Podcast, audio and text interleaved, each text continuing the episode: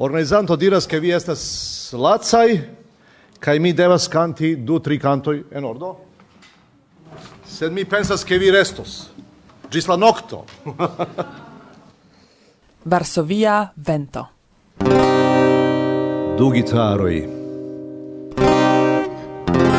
Triste venis splenda tint voco du gitara en la canto del pasint a matino cara Ei daras da yeshoras raz još mnoga mnoga raz Ei daras da yeshoras raz još mnoga mnoga raz tranquilon donu alla cor la amicin sep corda nun. L'animo plenas iangor kai hele brilas plena lun. Ei daras da yeshoras yesho mnoga mnoga raz Ej raz, jeszcze raz, jeszcze mnoga, mnoga raz, hej! Раз, еще раз, еще много-много раз. Эй, раз, еще раз, еще много-много раз. Jen stelo ludas, vidu vi, brilanta kaj turmenta. La coron tušas la radi, incita kaj mil senta. da raz, da jeszcze raz, je еще много-много раз. Эй, раз, еще раз, еще много-много раз. Эй, раз, еще раз, еще много-много раз. Эй, раз, еще раз, еще много-много раз. Vi, kion volas, mi astel, ja scias vi che curso pir, la tutan vivon via bel, catenis, alla amas pir. Hey daras ishoras yesho mnoga mnoga raz hey raz yesho raz yesho mnoga mnoga raz hey raz yesho raz yesho mnoga mnoga raz hey raz yesho raz yesho mnoga mnoga raz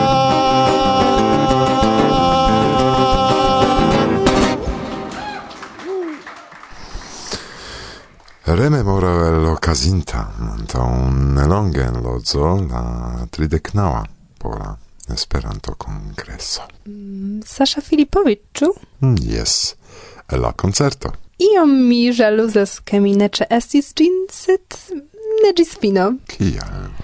Ja dum kiam vi estis en Lodzo, mi kunportis diktafonon al Roskilde Festivalo. Ah, yes, du eventoi ocasis same tempe.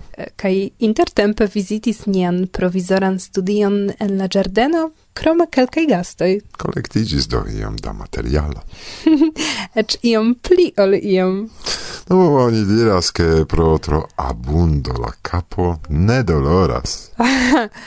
Eble doloros eh, gi niain auscultantoin, char ci foie la elsendo estas pli longa ol kutime, ec kun aldonajo. Kaj prave, ĉar la sekva programo aperos jam post la somera pauzo oktobre. Postarkones. Jes, kiel kutime. Do Estus sufiĉe da tempo ĉion atente aŭskulti. Eĉ kelkfoje. Se temas primi certe Eh, speciale tiun parton en kiu estas son raporto pri Roskilde. Rememoroj? Rememoroj. Do, se pri Roskilde nun mi ŝuldas respondi al salutoj de miaj geamikoj, kiuj pasis tiun festivalan semajnon kun vi. Dankon do por via memoro kai corain salutoin al vi ciui special al Sashka, Simono, Walter cae Kimo, Kai apartan saluton mi sendas al Jakobo, kiu ja apartenas al niai auscultantoi. Dankon, Jakobo! Do, se vi ankaŭ mi sendas el corain salutoin, eh, kai precipe al Gabon, al Marco, al Wojtek, al Mangirdo, al Danielo, al Gerd, al, al ciui fakte. Bla, bla, bla, bla, non. Kai c'è la fine della programma, ripeto, ciu. Compreneble. Se jam estas okazo do necesas gin uzi, ciu? To jest, kial ne. Bone. Do Multe da auscultado antau ni ciui. Kai salutoi anca al vi qui nin non auscultas, char pri auscultantoi ci foie ni forgesis. Cune cun bondesiroi de successa kai ripos plena libertempo. Mm, subcondicio, che same kiel ceni anca uce vi, estas samero, char en Argentina, shaine negas. Ne nur tie. Yes, anca en pipa. En pipa? Temas pri eta cemara urbeto en Brasilo, kie iam okazis vintra rencontigio de la Brasila junularo. Pipa! Bele sonas! Tiam uh, ankaŭ ni tion rimarcis. Do, um, se estes esperantistoi en Pipa, aparte ni vin salutas. Tutte serioze kai desiras al vi. Eh, kiel al ciu aliei agrablan. Auscultadon bla bla. Bla. En la mondo venis nova sento Bla, Passa via vento. Bla bla bla.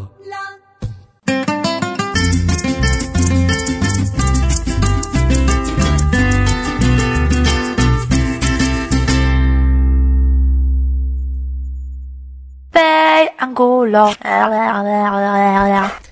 Saluton, bonvenon al la plej angulo. Mi nomiĝas Rafał Darasz kaj mi estas prezidento de la Pola Esperanto Junularo.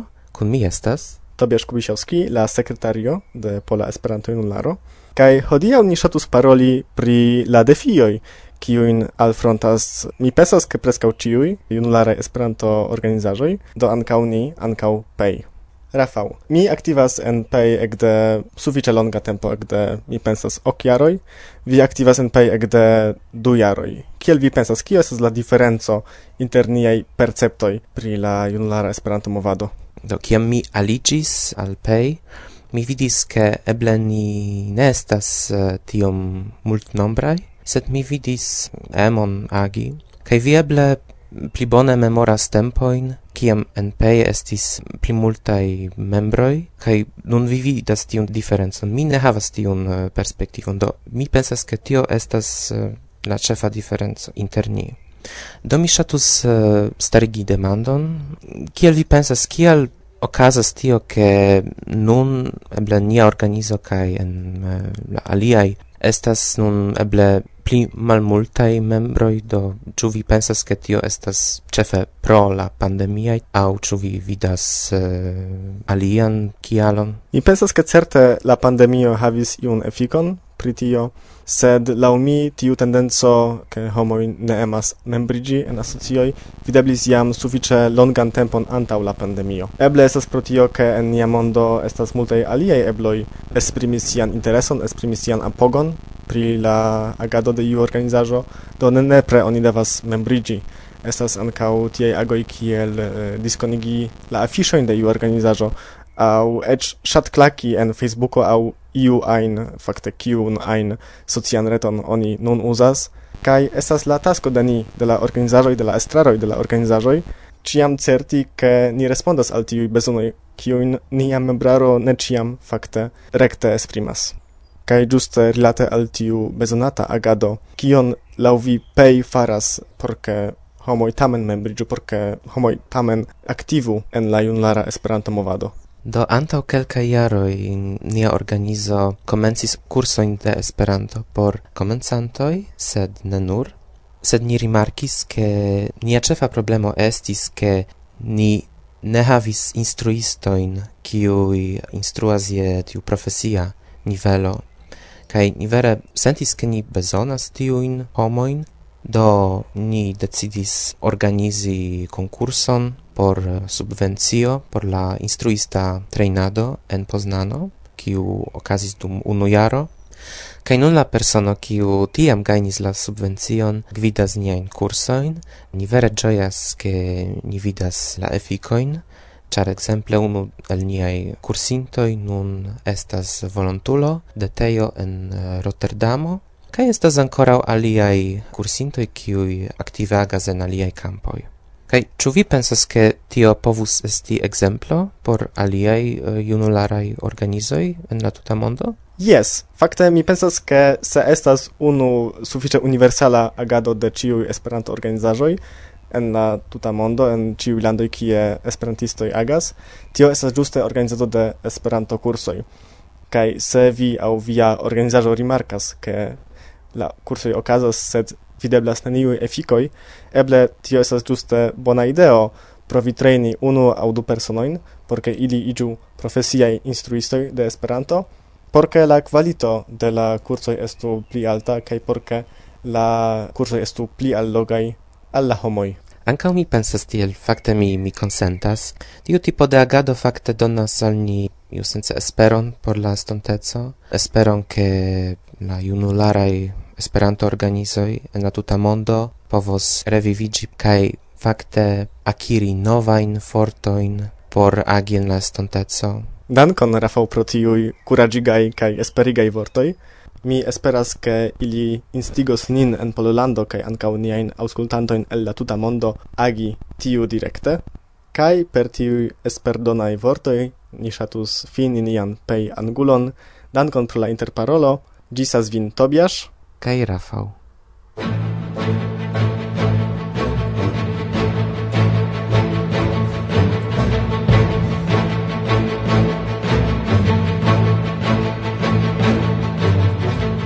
Universala Esperanto Asocio fermas la centran oficejon kaj serĉas novan laborantojn dise en la mondo.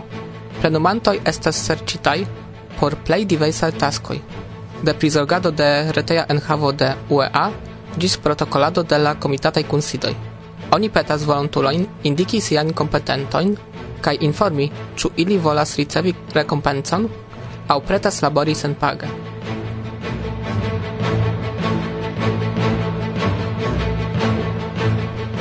Ĉu vi ŝatus videbligi vian organizon dum la IOKO 2022?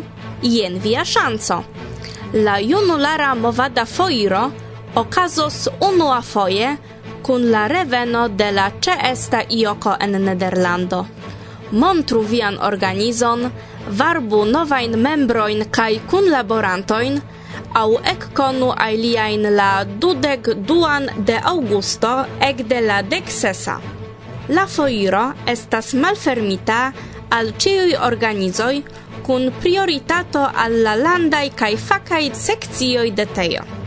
Ĉiuj organizoj kiu ŝatus peti propran tablon, plenigu aligilon ĉe la paĝaro, al kiu ligilon vi trovos en la prescribo. La limdato estas gis la 6 de augusto 2022 au gis plenigio de ciui locoi.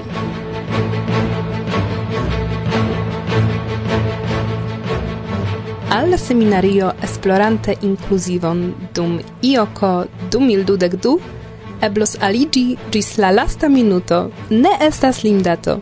Dum la seminario, la partoprenantoi parolos pri siei spertoi de inclusivo au excludo en siei socioi kai en Esperantujo.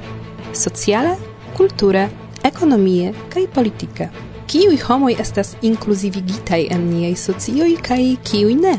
Krome, la partoprenantoi rigardos la influon de globai tendencoj sur inclusivo, – specifa covimo, kiui estas la plei tusitai grupoj.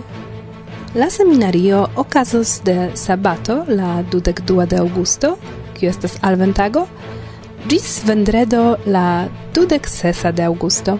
La labortagoj de seminario estas inter la dudec unua kaj dudec kvina de augusto. Pli da informoj vi trovos kompreneble en la priskribo.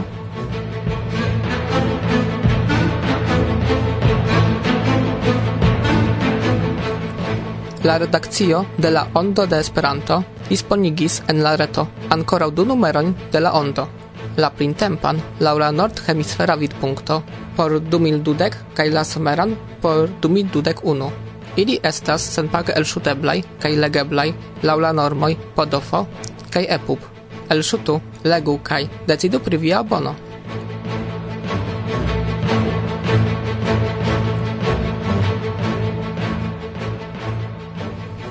en junio kaj julio kun granda sukceso debutis retaj ker-ekzamenoj. La okazo ekzameniĝi el hejmo ebligis al multaj izolitaj esperantistoj testigi sian lingvonivelon kaj riĉiĝi je pliaj instigoj daŭrigi la lernadon de Esperanto. Dank al tiu ebleco Examenoin partoprenis entute okdek tri personoj el tridek landoj, inter alie nia redakciano Kamil, kiu trapasis la examenon je la nivelo C1. Ni elkore gratulas al ciui, kiu trapasis la unuajn retajn examenoin, kaj al la ker examena centro por ilia organizado. La sekvaj examen ebloj tiu tempe ĉeestaj estos dum la congreso en Montrealo, kie debutos la nova nivelo CODU.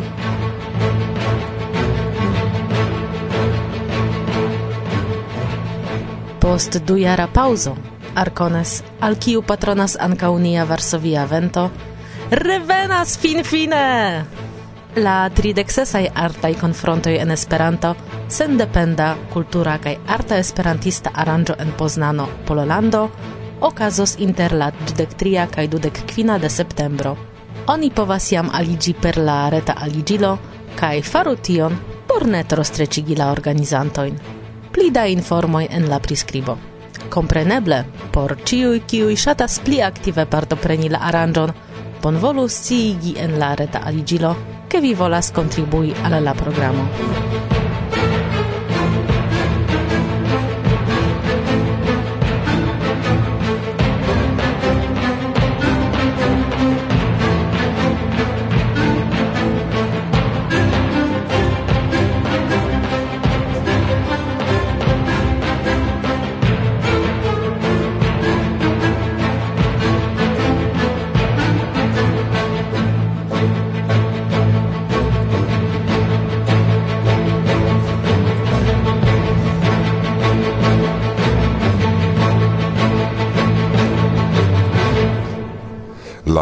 aktualaĵojn prezentis Maria, Gosia, Kamil kaj Agnieszka Rudzia, kiu nun estas en necesejo.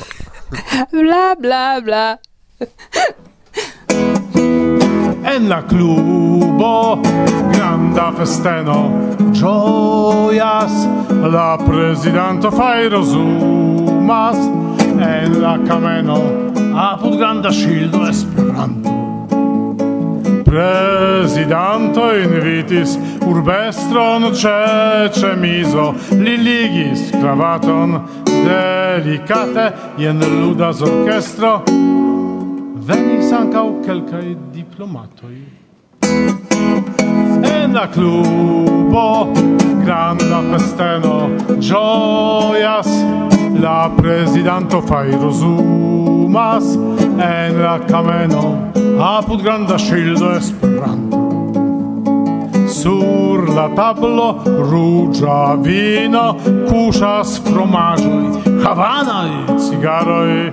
Venis fino de mia latino, eble nia klubo havas cent jaroj.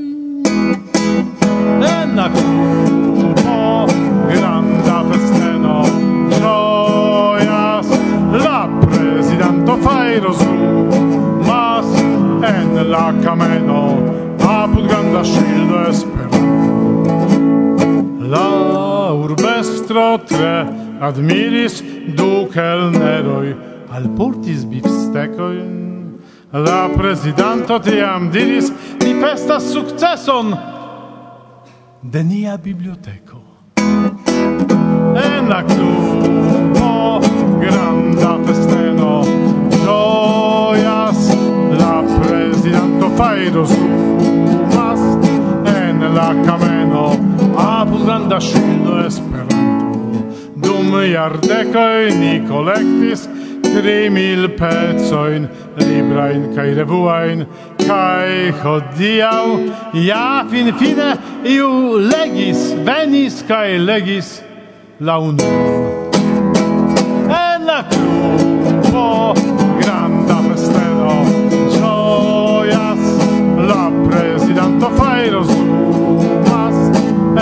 la a buganda shildo Esperanto.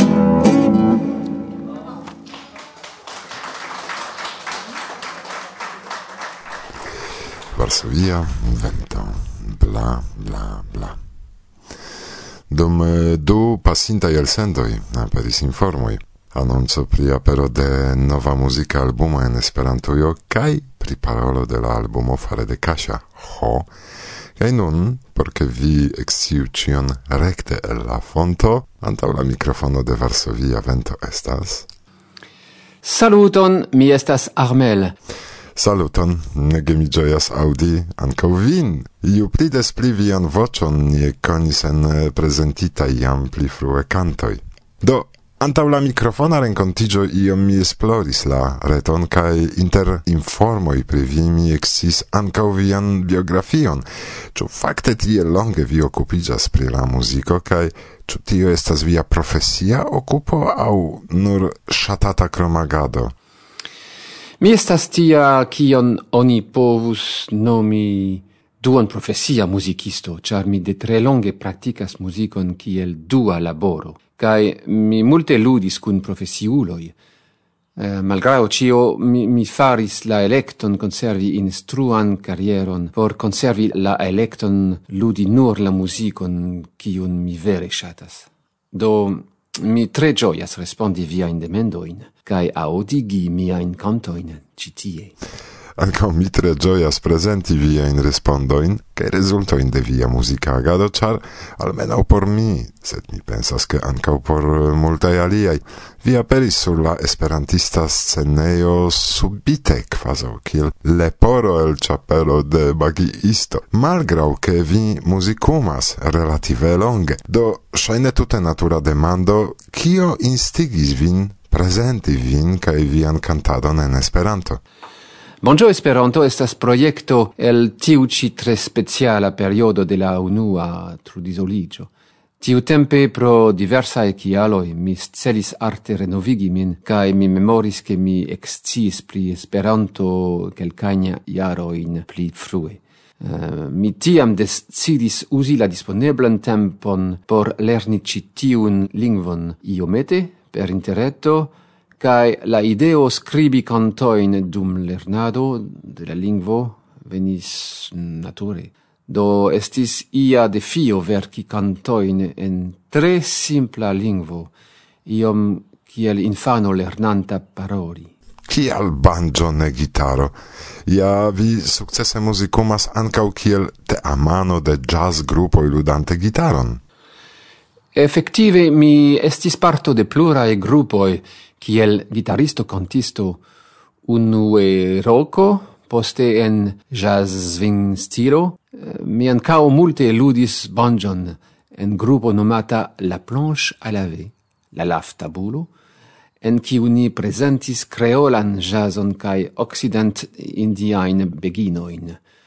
Mi havis la chanson lerni kaj canti plurain cantoin en cariba creola kun tiu ci grupo, kai Mi volis resti en citiu musica etoso por la vercado de tiui cantoi en Esperanto. Mi ancao pensis che estas multae similezoi inter Esperanto cae Banjo, kiui ambao aperis fine de la dec naua jarcento. Esperanto cae Bonjo ancao estas tre simplai en construo, sed permesas multain subtilajoin, kiujn eh, ni ne tui perceptas.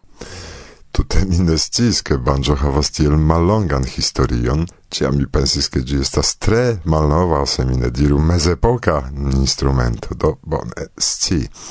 Kai eh, malcasu, ki okazis kai kia maniere via vojo crucigis kun Flo kai Vinil cosmo kiu efike igis eldonisto de via albumo en Esperanto. Ĉu vi konis vin pli frue? Ciam mi finis verci mian unuan canton, eh, cio estas amo, mi rapide faris demonstran registradon de gi sur kiu mi ludis cioin instrumentoin. Mi ludis gin por mia complizo, Denis Lene, kiu proponis che mi faru filmeton pri citiu musico. La bildoi estis vere belai. Daure estas citiu video kiu presentas la albumeto. Do mi alŝutis ĝin en YouTube-on, kai mi rapide havis reagoin pre parte tre positivain, sed ancao commenton de Livendek, Miguel Gutierrez, che mi faris quelcain eraroin pri grammatico cae accentado. Dank alla magio de interetto, mi rapide contactis lin por ricevi lian helpon por correctoi Li tiam tre afable acceptis legi a mi cioin miain esperantain cantotextoin cae fari correcto proponoin. Eh, Li ancao estis tiu kiu donis al mi la contacton de Flo, cae Vinil Cosmo, vi schuldas al ili ambau multe pri ci tiu proiecto. Al ambau ili ancao mi schuldas, certe gravant por mi amicetson, do Mine estus mi sen tiu momento, mine salutos vin, carai Flo, cae li vendec kun espero che, malgrau la sortai malfaciligoi, venos tempo de nove rencontigi cae cune labori. Cae eh, revenanta alla temo, eble raccontu iom pri via jazz shato ca influo de tre conatai jazz musicistoi kiel, exemple, B.B. King, Kion inspiran vi trovis en ilia arto, che gi tiel forte impressis vin? Nur la manieron gitarludi, kai kiu musicisto au bando havis la plei grandan influon al vi? Eh, se temas pri gitaro au musico generale, kio ciam fascinis min estas improvisado, la arto de tuja componado. Do mi rapide interesigis pri citiui rock musicistoi kiui faris soloin kiel Alvin Lee, Ten Years After, uh, Santana, Hendrix au Rory Gallagher. Ciam mi constatis che ili mem uh, estis tre influitae de jazzo, mi nature comensis ausculti gin. Ec hodiau, cion mi shatas en conto, estas ofte la ricezzo de giai harmonioi au la ritma precisezzo. Non mi malcovras che ni havas relative similan guston, alla mia mi eldonus crome venantan quasau recte la blues rivero bandon lede Zeppelin, cae tamanoi al ili similai, Se vi planas sekvajn kantojn en Esperantujo, ĉu vi jam havas ideon kiun instrumenton vi uzus volonte? Fakte mi, mi ŝatus rapide proponi daŭrigon de Bonjo Esperanto. Nova serio de kantoj verkitaj speciale en Esperanto por tiu ĉi projekto. Mi esperas povi komenci verki ilin baldaŭ por uh, registri ilin aŭtone. En ĉi tiu projekto Banjo estas vere la regia instrumento, char gi permesas multain melodiain cae ritmain stiloin. Mi precipe shatas enmeti la sonon de la banjo, tre claran cae percutan, en glatan sonon cun la Hammond organo cae multain vociain harmonioin. Fakte mi, mi ludas cae cantas ciuin tracoin crom la contrabasso cae la percutado drumo. Por la momento mi ne volas disigi min en aliaj stiloi por ciu, tiu ci proiecto en Esperanto. Reklamo. Ĉu ankaŭ vi volas esti informita pri la mondaj novaĵoj en flua aktuala Esperanto? kaj legi raportojn pri politiko, pri scienco, ekonomio, kulturo kaj multe, multe pli? Do, petu senpagan prof exempleron La contact-adreson de Monato vi trovos en la prescribo. Yes. Falso via vento, bla bla bla.